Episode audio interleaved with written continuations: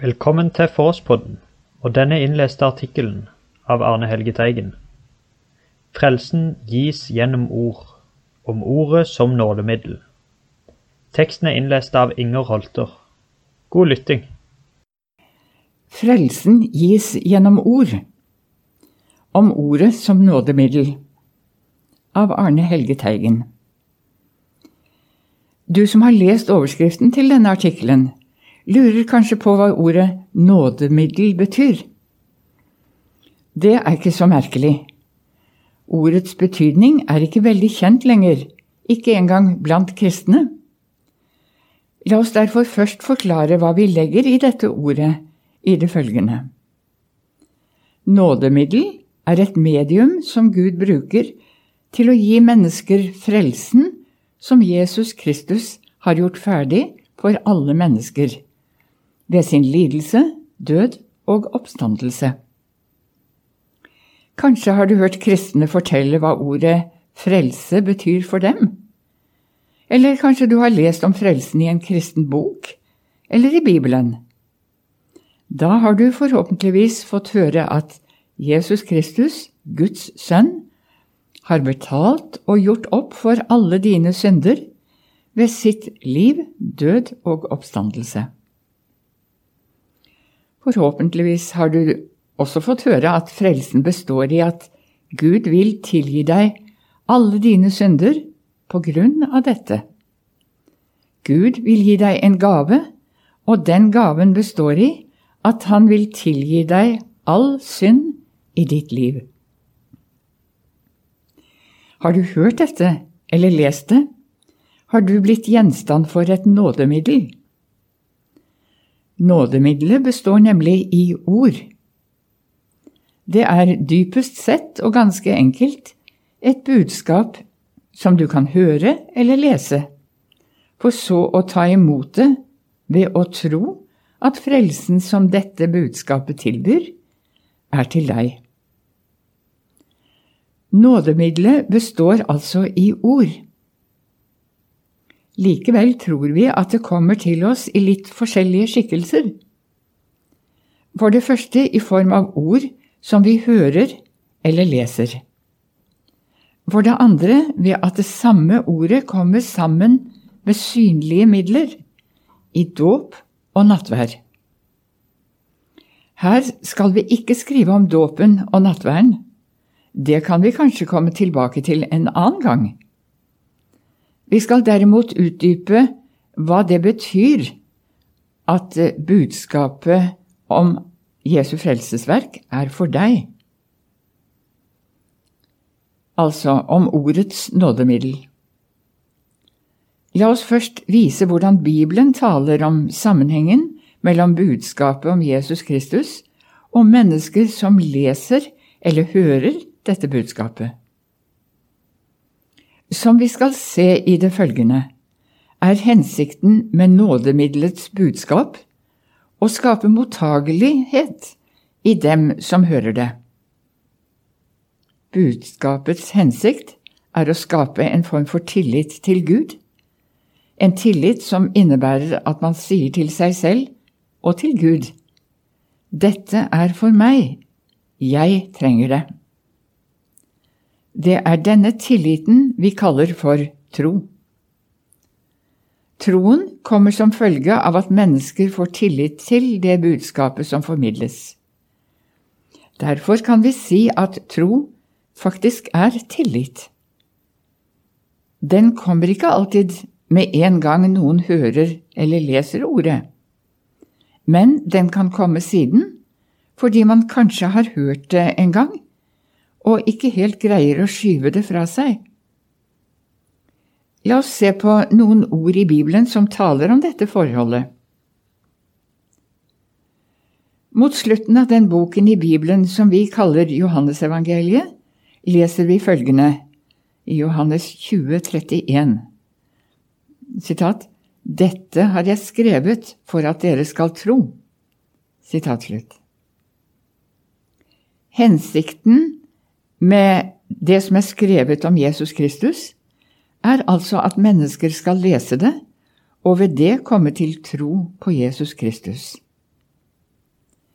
Ordet nådemiddel ble ikke oppfunnet av Johannesevangeliets forfatter, eller av noen andre av Bibelens forfattere. Det brukes heller ikke i Bibelen. Likevel forklarer det ordet vi nå har lest, hva nådemiddelet er. Ordet er laget for å tematisere det Bibelen sier om hva som er hensikten med budskapet om Jesus Kristus, og hva som kan skje med dem som hører eller leser dette budskapet. Ordet om Jesus innbyr til tro på ham, og vi skal nedenfor også se at det skaper troen på ham. Her skal vi først se nærmere på noen andre bibeltekster som forklarer hva ordet som nådemiddel er, utover det jeg så langt har påpekt. Ut fra det som er sagt så langt, kan man nemlig spørre om nådemiddelet bare er gitt for at mennesker skal ta imot frelsen og bli kristne.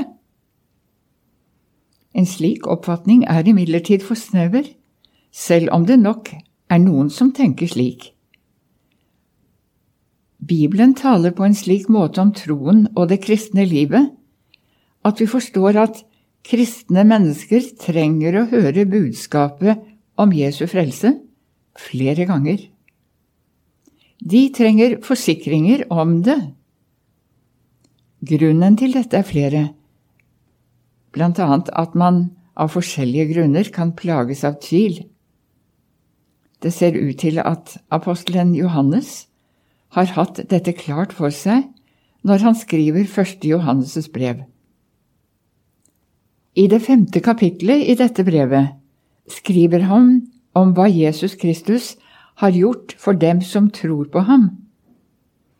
Han forsikrer at hele frelsen hviler i Jesu person, og konkluderer med følgende i 1. Johannes 5, 13, sitat, Dette har jeg skrevet til dere for at dere skal vite at dere har evig liv, dere som tror på Guds sønns navn. Sitat slutt. Som vi ser, henvender Johannes seg her til dem som tror på Jesus Kristus. Han sier altså noe som kristne mennesker kan ta til seg, kanskje særlig når de synes at de ikke lykkes som kristne. Da er det lett for noen enhver å tenke at jeg kanskje ikke er en kristen lenger. Jeg får det ikke helt til, og da holder det kanskje ikke. I møte med dette kommer Bibelen med et korrigerende budskap til oss. Dette budskapet er nådemiddelet i funksjon. Det sier til oss at frelsens gave er betalt fullt og helt av Jesus Kristus, og forsikrer om at det er bare dette som gjelder som grunnlag for frelsen. Det vi gjør som kristne, skal ikke gjelde som noe vi supplerer med for at frelsen skal bli mer sikker. Det kristne livet må derimot forstås på andre premisser og ut fra et annet perspektiv, nemlig nådens og frelsens perspektiv. Også dette vil Bibelen lære oss noe om. Fordi Bibelen i så måte er et middel som forklarer oss hva nåden er, og samtidig også gir oss nåden, kan den også lære oss hvordan vi som kristne kan tenke om livet og hvordan vi skal leve. Det er mye å si om dette, men her, til å begynne med, vil jeg særlig nevne følgende. Bibelen oppfordrer mennesket til å grunne på Guds ord. Ikke bare høre det opplest, men også gjemme det, eller bevare det i sitt hjerte, gi det rom og tenke på det. Ifølge det Bibelen sier, har dette en virkning på mennesker som går ut over det å tilegne seg kunnskap om det som står i Bibelen. Med dette vil jeg ikke si at kunnskap om det som står i Bibelen, ikke er viktig. Min hensikt er derimot å påpeke at denne kunnskapen har enkelte sider ved seg som ikke alle er klar over eller tenker på. Kunnskapen fra Bibelen har en kraft i seg som påvirker og preger den som tar den til seg. Bibelens ord, som i salmene av og til kalles Herrens lov, har en kraft i seg som sammenlignes med vannets virkning på et tre. Treet som står ved en rennende bekk, bærer frukt fordi det suger vannet til seg. Et eksempel på hvordan Bibelen taler om dette, finner vi i Salme 1.1. Sitat. Salig er det menneske som har sin lyst i Herrens lov, og grunner på Hans lov dag og natt. Han skal være lik et tre som bærer frukt i sin tid. Sitat slutt. Som vi ser, sies to ting her. Den som grunner på Guds ord, forblir salig, det vil si frelst. I tillegg skaper dette ordet noe. Treet bærer frukt i rette tid. Det å grunne på Guds ord dag og natt betyr selvsagt ikke at man ligger våken om nettene og resiterer bibelord hele tiden. Det sier noe om ordet selv. Det er som vannet som gir næring og liv i et tre. Det handler om at ordet gjør sin virkning i oss, også når vi ikke er bevisst på det. Jesus Kristus sier noe lignende, f.eks. i sin avskjedstale til disiplene. Han oppfordrer disiplene til å ta vare på hans ord og bli i det. Ifølge Johannes 15 fører dette til at Jesus Kristus også blir i dem, og til at de bærer frukt for Jesus. Skal vi tematisere dette i forhold til begrepet nådemiddel, kan vi så langt si at ordet, slik det er gitt i Bibelen, eller også i forkynnelse, sanger eller litteratur som er i samsvar med Bibelen, er et middel som Gud bruker, ikke bare for å gjøre mennesker til troende, men også for at de som er kommet til tro, skal bli bevart i troen og vokse i troen. Derfor skriver Paulus at evangeliet er en kraft til frelse for den som tror. Romerne 1, 16. Kanskje spør du allerede her hva dette ordet kraft egentlig betyr. I tilfelle spør du om noe som man særlig var opptatt av i oldkirkelig og reformatorisk teologi, og som man også ga svar på som er temmelig ukjent i dag. Vi skal komme tilbake til dette nedenfor. For å etablere et litt bedre grunnlag for å svare også på dette spørsmålet, skal vi si litt mer om hva Bibelen selv sier om ordets nådemiddel. Vi beveger oss da inn i den tematikken som vi kaller lov og evangelium. For å forstå dette er det nødvendig å se litt nærmere på hvordan man i kirkens historie har tenkt om dette ut fra begrepsparene lov og evangelium. I den kristne teologien, særlig den lutherske og reformerte, knyttes ordene lov og evangelium særlig til nådemiddellæren. Noen ganger møter man oppfatninger om at det var Luther som fant opp læren om lov og evangelium. Det er imidlertid en forenklet oppfatning av denne saken.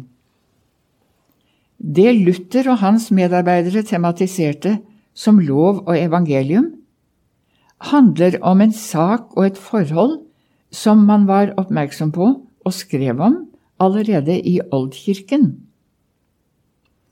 Saken kommer frem selv om man ikke fullt og helt benyttet den senere lutherske terminologien. Det ble likevel særlig Augustin som utformet en foregripende lære om dette. I skriftet Spiritus et letra påpekte han at Skriftens ord taler på to måter. På den ene side for å vekke opp menneskets erkjennelse av sin synd. På den annen side for å gi syndsforlatelsen. Det som Augustin skriver om dette, bunner både i hans egne erfaringer om hvordan han selv ble en kristen, og i hans studier av Bibelen. Av erfaring visste Augustin at han som ung ikke søkte Gud, men i stedet søkte seg bort fra ham. Det kom likevel en tid da han begynte å søke Gud. Og når han ser tilbake på denne tiden, forstår han at det egentlig ikke var han som søkte Gud, men Gud som søkte ham, og satte ham i bevegelse på forskjellige måter. Gud uroet hans hjerte. Han søkte som i blinde, og det ble klart for ham at han trengte Guds nåde og tilgivelse. Det som gav han klarhet i dette, var møtet med Bibelens budskap og biskop Ambrosius' forkynnelse. Bibelen hadde mye å si ham om en rekke forhold, men gjennom alt den sa, talte den først og fremst til ham om hans forhold til Gud, overbeviste ham om hans behov for frelse og nåde, og åpenbarte nåden for ham. Det er denne skjelningen mellom Bibelens to sider som videreføres og nærmest presiseres av Luther og i reformatorisk teologi. Loven defineres som de ordene i Bibelen som viser Guds vilje med menneskers liv. Loven kommer derfor til uttrykk i form av bud, gode formaninger og lærdom om livet. Selv om loven, med hensyn til det den sier, er god, overbeviser den mennesker om at de ikke strekker til overfor de krav den stiller. Loven har derfor en dobbel funksjon. På den ene siden gir den gode forskrifter for livet, på den annen side viser den mennesker at de ikke klarer å oppfylle den, og derfor trenger tilgivelse fra Gud. Denne tilgivelsen tilbys gjennom de ordene i Bibelen som forteller at Jesus Kristus har sonet og gjort opp for alt det mennesker skylder Gud, altså i det budskapet som vi kaller evangeliet. Ifølge luthersk teologi er bare evangeliet nådemiddel, ikke loven. Dette betyr ikke at loven regnes som unødvendig eller som et onde. Loven har en hensikt som er nødvendig når det gjelder menneskets frelse. Den overbeviser mennesket om at det er skyldig overfor Gud og ved dette åpner det mennesket for den frelsen som evangeliet gir. Loven fører mennesket til erkjennelse av sin synd, mens evangeliet skaper troen og tilliten til Guds nåde. Sitat. Men vi vet at alt det loven sier, det taler den til dem som er under loven, for at hver munn skal lukkes og hele verden blir skyldig for Gud. Derfor blir intet kjød rettferdiggjort for ham ved lovgjerninger. For ved loven kommer erkjennelse av synd. Men nå er Guds rettferdighet, som loven og profetene vitner om, blitt åpenbart uten loven. Det er Guds rettferdighet ved tro på Jesus Kristus, til alle og over alle som tror. For det er ingen forskjell. Alle har syndet og mangler Guds herlighet. Og de blir rettferdiggjort for intet av Hans nåde ved forløsningen i Kristus Jesus. Sitat slutt. Romerne 3, 19-20. At Bibel og forkynnelse er lov og evangelium, må ikke få oss til å tenke at den skal snevres inn til å kun behandle en avgrenset tematikk i Bibelen. Lov og evangelium er ikke to separate temaer eller emner ved siden av læren om skapelsen, syndefallet, kirken etc. Termene oppfatter hele budskapet i Skriften og er å anse som overordnede perspektiver for alle de temaene som behandles der. Som nevnt finner vi denne skjelningen mellom to slags ord i Bibelen allerede tidlig i kirkens historie. Vi skal ta med noen eksempler på dette, og ved det beveger vi oss etter hvert over i spørsmålet om hva den mye omtalte evangeliets kraft er for noe. Vi skal hente ut noen foreløpige svar av Ireneus' forfatterskap. Forhåpentligvis kan vi også lære noe av ham med hensyn til hva som er forkynnelsens innhold og hensikt. I Against Heresies skriver Ireneus temmelig mye om prekenens betydning for menigheten.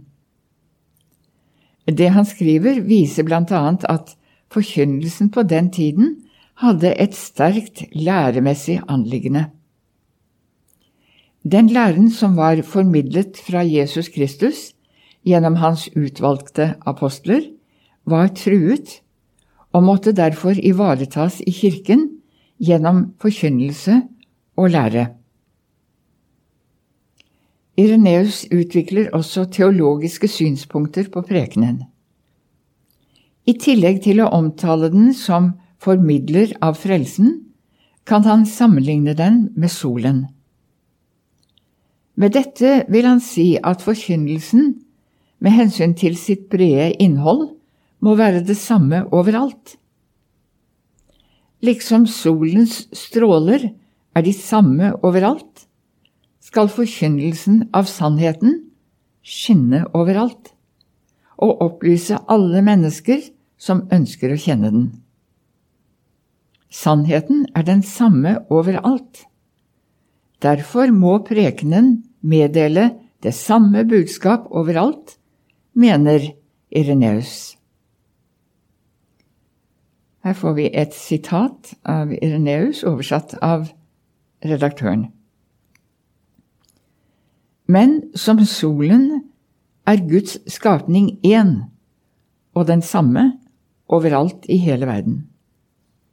Slik skinner også forkynnelsen av sannheten overalt, og opplyser alle mennesker som er villige til å la seg opplyse av sannheten. Heller ikke vil noen av lederne i kirken, uansett hvor høyt begavet han måtte være av veltalenhet, lære andre doktriner som er forskjellige fra disse. Sitat slutt. Men Reneus skriver også om det vi har kalt forkynnelsens kraft eller virkning. I den forbindelse poengterer han at forkynnelsen av evangeliet gir Den hellige ånd. Dette skjer i et lengre avsnitt om trollmannen Simon, apostlenes gjerninger 8. Ifølge Ireneus' tolkning av denne fortellingen forsto ikke Simon at ånden gis gjennom forkynnelsen av Jesus Kristus. I stedet trodde han at ånden ble gitt nærmest på magisk måte ved apostlenes håndspåleggelse. Han trodde med andre ord at Guds undergjerninger ble gjort ved apostlene selv, ikke ved Gud. Her får vi en, et oversatt sitat av eh, redaktøren. Denne Simon, som trodde falskt, antok at apostlene gjorde sine helbredelser ved magi og ikke ved Guds kraft. Og angående deres fylde av Den hellige ånd gjennom håndspåleggelse, altså de som trodde på Gud gjennom ham som ble forkynt av dem, altså Jesus Kristus, trodde han at dette ble gjort gjennom en høyere kunnskap om magi, og tilbød penger til apostlene, slik at han også kunne få denne kraften til å utøse Den hellige ånd til hvem han ville. Sitat slutt. Ireneus knytter sammen forkynnelsen og troen, og omtalte troen som en følge av forkynnelsen. Han skrev følgende sitat, But the whole time of faith, during which men hear and believe the preaching of the gospel, and those become acceptable to God, who unite themselves to him. Sitat slutt. Ireneus begrunner sitt syn på forkynnelsen som skaper av troen, ved å vise til Peters tale i Kornelius' hus, Apostlenes gjerninger 10. Ireneus skriver også om forkynnelsen og kirken. Her legger han vekt på at forkynnelsen må være i samsvar med troens regel, det vil si den rette lære om Jesus Kristus og den treenige Gud. Her kommer en oversettelse ved redaktøren. Sitat. Kirkens forkynnelse er utvilsomt sann og stødig, den som gjør den ene og samme frelsesvei kjent gjennom hele verden. For til henne, Kirken, er Guds lys betrodd, og derfor også Guds visdom, som har til hensikt å frelse mennesker. Sitat slutt. Vi finner mye av de samme tankene hos Augustin. Her nevnes at han videre utvikler en tenkning om ordets guddommelige kraft til å påvirke mennesker og skape troen i dem. Denne forankrer han i læren om Sønnens evige fødsel og i læren om inkarnasjonen. Denne måten å tenke på videreføres av Luther, og vi skal utdype den i det følgende. Det spørsmålet vi søker svar på, er altså hva kraften i evangeliets budskap består i. Det svaret Luther gir, kan nok være litt krevende å forstå, men det får vi ta sjansen på. Luthersk tenkning om dette forutsetter en bestemt lære om at den treenige Guds gjerninger overfor skapningen er enhetlige. I parentes nok en gang et dogme som ble klargjort av Augustin. parenteslutt. Det som den inkarnerte Guds sønn sier på jorden, og siden som den oppstandende, er derfor helt og fullt uttrykk for Guds ene vilje. Videre hevder Luther at fordi evangeliets budskap har sitt opphav i Gud, så er det fullt av guddommelig makt og kraft. Luthers forklaring på denne kraftens opphav er interessant og oversett i vår tid. Han skriver at denne kraften er den som Guds sønn evig mottar fra Gud Fader, i den evige fødsel.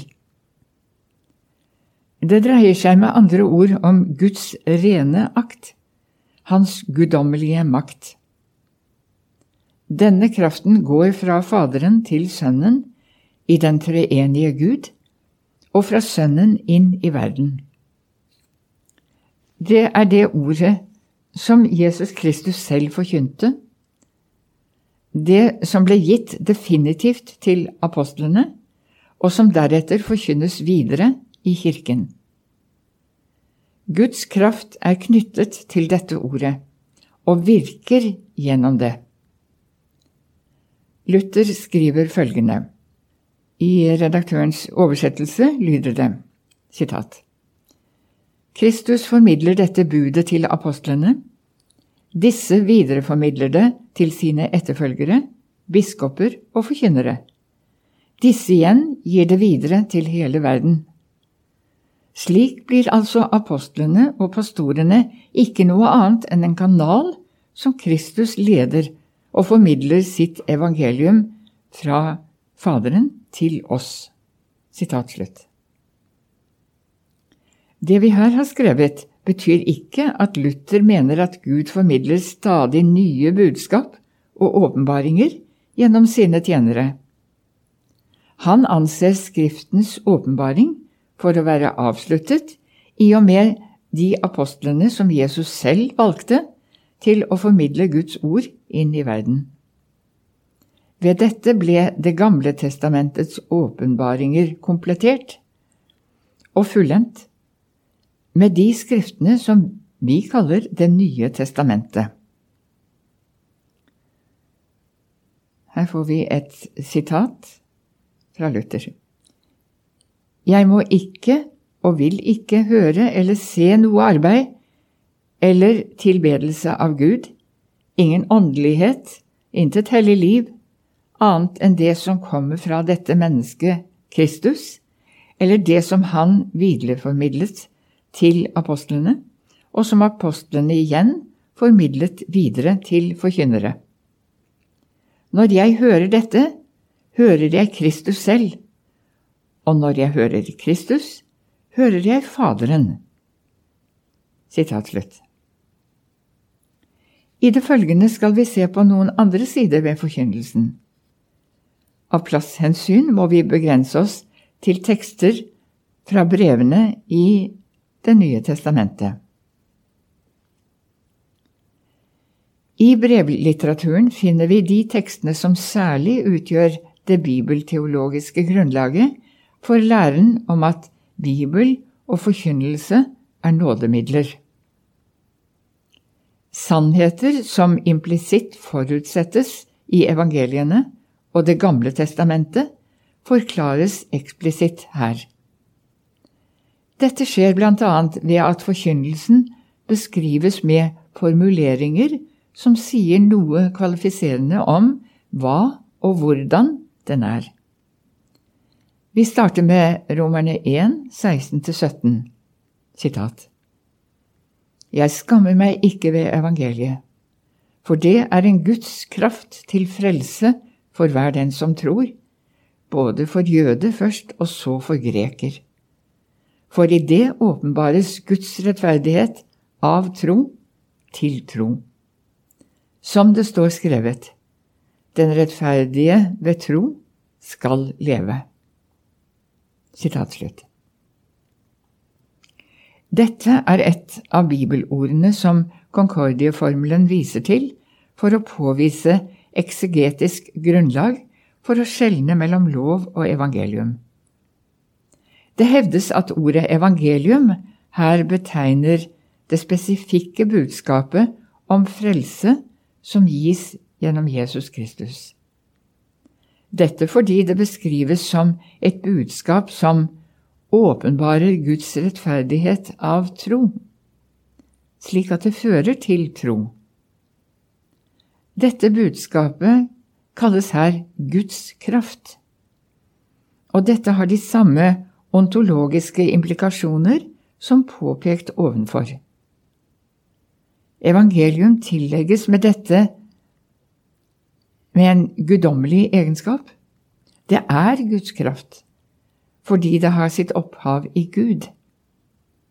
Samtidig gjøres det klart at evangeliets Guds kraft er avgrenset til noe helt bestemt, nemlig til å virke troen i mennesker. Vi er betrodd å forvalte det ordet som Guds kraft bor i, men vi er ikke betrodd å forvalte Guds kraft og makt direkte, som undergjørere eller helbredere. Hva så med de ordene i Skriften som vi kaller loven, er det også knyttet en guddommelig kraft til den? Til dette må vi svare ja. Samtidig må det føyes til at loven ikke har kraft til å skape tro og nytt liv i mennesker. Loven rammer menneskers samvittighet. Den overbeviser og dømmer og beveger mennesker til synserkjennelse. Mens loven anklager og gir mennesker en lukket munn, Romerne 3,19 og Hebreerne 4,12, gir evangeliet frelse, Den hellige ånd og kraft til å leve etter loven. Romerne 8, 3-4 og Efeserne 1, 13. Dette samspillet mellom lov og evangelium kommer særlig klart til uttrykk i Galaterbrevet 3, 21-25. Sitat. Er da loven imot Guds løfter? Langt derifra. For bare hvis det var gitt en lov som hadde kraft til å gjøre levende, kom rettferdigheten virkelig av loven. Men Skriften har innesluttet alt under synd, for at det som var lovt, ved tro på Jesus Kristus, skulle bli gitt til dem som tror. Men før troen kom, ble vi holdt i varetekt under loven, innestengt, inntil den tro som skulle komme, ble åpenbart. Slik er loven blitt vår tuktemester til Kristus, for at vi skulle bli rettferdiggjort av tro. Men nå når troen er kommet, er vi ikke lenger under tuktemesteren.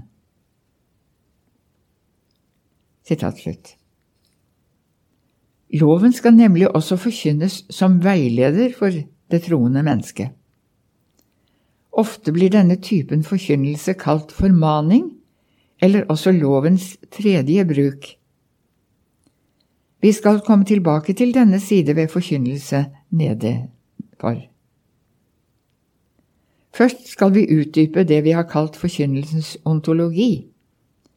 I første kor 1.18 beskriver Paulus ordet om korset som Guds kraft, på samme måte som han beskriver evangeliet i Romerne 1, 16-17. Guds visdom, eller mysterium, i eldre teologi, parentes Luther, Augustin og Akinas, blant andre, parentes slutt, er den bærende oppfatning at ordet visdom hos Paulus svarer til Johannesevangeliets logos-begrep. Dette kan begrunnes med at disse ordene beskrives med det samme innhold. Ordet mysterion er Guds evige frelsesplan som er virkeliggjort i Jesus Kristus, logos, og som åpenbares i evangeliets budskap. Visdommen hos Paulus svarer til det gammeltestamentlige visdommen som omtales særlig i ordspråkene 8, 22 og følgende. I Romerne 10, 17 finner vi enda et bibelord som det ofte vises til når forkynnelsens virkning og betydning skal forklares. Troen kommer ved forkynnelsen, eller rettere ved hørelsen. Mennesket gjenfødes ved Guds uforgjengelige ord, skriver apostelen Peter. Parentes, ordet som gjenføder får dermed nok et guddommelig predikat. Det er uforgjengelig. Det vil si, det skal aldri opphøre. Det har sin gyldighet, forankret i den evige Gud. Parentes slutt. For at den guddommelige kraften kan være til stede, skal den som forkynner, tale som Guds ord. 1. Peter 4, 11 og 1. Peter 1, 23-25. Det kan se ut til at Det nye testamentet differensierer mellom forskjellige slags forkynnelse, og i tilknytning til dette også forskjellige slags forkynnernådegaver eller forkynnerutrustning. I første kor 12, 1 Efeserne 4 og første kor 12-14, skjelnes det mellom forskjellige forkynnertyper, såkalte evangelister, hyrder og lærere. I første kor 14 omtales profeter som personer som taler til oppbyggelse og trøst. Dette viser at forkynnelsen kan ha forskjellig karakter. Det viser også at det er få som kan ivareta alle anliggender ved det å tale Guds ord. Det gjelder for talere som alle andre gudstjenere, at de må utfylle hverandre. Derfor må det i en viss grad skjelnes mellom det man sier om forkynnelsen som en livsviktig funksjon og oppgave for det kristne fellesskap, og det som kan forventes av alle som står i denne oppgaven. Samtidig er det noe som må prege all forkynnelse. Skal den fungere som nådemiddel, må evangeliets budskap om synsforlatelse for Jesus skyld være med. Evangeliets budskap må være bærende, slik at forskjellige temaer som den berører, knyttes til evangeliet og blir preget og innholdsmessig bestemt av dette. Ikke minst gjelder dette det vi ofte kaller formanende forkynnelse, altså forkynnelse som sikter på å gi veiledning for det kristne livet. Det er ikke vanskelig å forstå at det er behov for dette i vår tid. Vi skal kort si noe om dette aspektet ved forkynnelsen i det følgende. Dersom vi leser Bergprekenen, Matteus 5-7, Jesu avskjedstale til disiplene, eller også veiledning for kristne som gjerne kommer til slutt i Paulus sine brever, vil vi se at kristne menneskers oppfyllelse av Guds bud skal preges av en form for altruisme som har Jesus som forbilde. Fra én side sett oppfylte Jesus loven nettopp i sin frelsesgjerning. Han elsket oss så høyt at han gikk i døden for oss, og ved det oppfylte Jesus det som kan kalles lovens dypeste og egentlige intensjon, nemlig å gi seg selv for sitt medmenneske. Han som er Gud fra evighet av, ble menneske nettopp for å gjøre dette, og ved det gi oss en fullkommen frelse.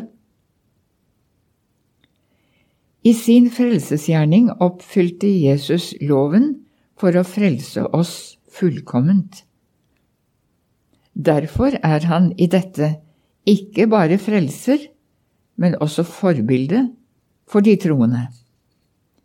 Ikke i den forstand at vi skal supplere hans frelsesgjerning ved våre gjerninger. Vi kan ikke leve fullkomment etter loven, slik Jesus gjorde, og ved troen er vi fritatt fra å sone våre egne synder. Likevel skal det forkynnes til et liv som skal preges av gjerninger som har en paradigmatisk likhet med Jesu gjerninger. Bibelen formaner derfor troende mennesker til å stille seg selv, sine lemmer og forutsetninger frem som offer for Gud. Ved dette skal de tjene hverandre og sine medmennesker. De skal gjøre gode og nyttige gjerninger som bæres av vilje til å ofre seg selv. Selvoppofrelsen blir selvsagt ikke alltid det bærende motivet, men den ligger alltid som en grunntendens som preger det kristne livet. Den kommer til uttrykk i mellommenneskelige forhold, i familiære relasjoner og i forhold til samfunnet. Uten selvoppofrelse blir verden ubarmhjertig og hard, og styrt av egoisme. Forkynnelsen har en oppgave i forhold til dette. Den må si noe om at kristne kan anse sitt arbeid, sine daglige gjerninger etc. som tjeneste for Gud. Formaningene nuller ikke ut Bibelens bud, men formaner til å la kjærlighetsbudet være styrende for de valg man til tider må ta når man skal etterleve budene. Til sist kan nevnes at det hører med til forkynnelsens oppgave også å korrigere, eller også avvise, trosoppfatninger som ikke kan forsvares ut fra Guds ord. Det kan gjelde flere forhold, for eksempel feilaktige oppfatninger om kristne menneskers kår i denne verden. Lidelsens problem søkes forklart på mange måter, og ikke alt som sies om dette, er bibelsk. I vår tid blir den kristne troens innhold angrepet direkte fra flere hold. Det gjelder ikke bare troen på Guds eksistens, læren om skapelsen etc., men for eksempel også selve læren om frelsen. I møte med dette er det nødvendig at Bibelens budskap om frelsen får lyde, for som vi har sett, er Guds kraft til frelse knyttet nettopp til dette.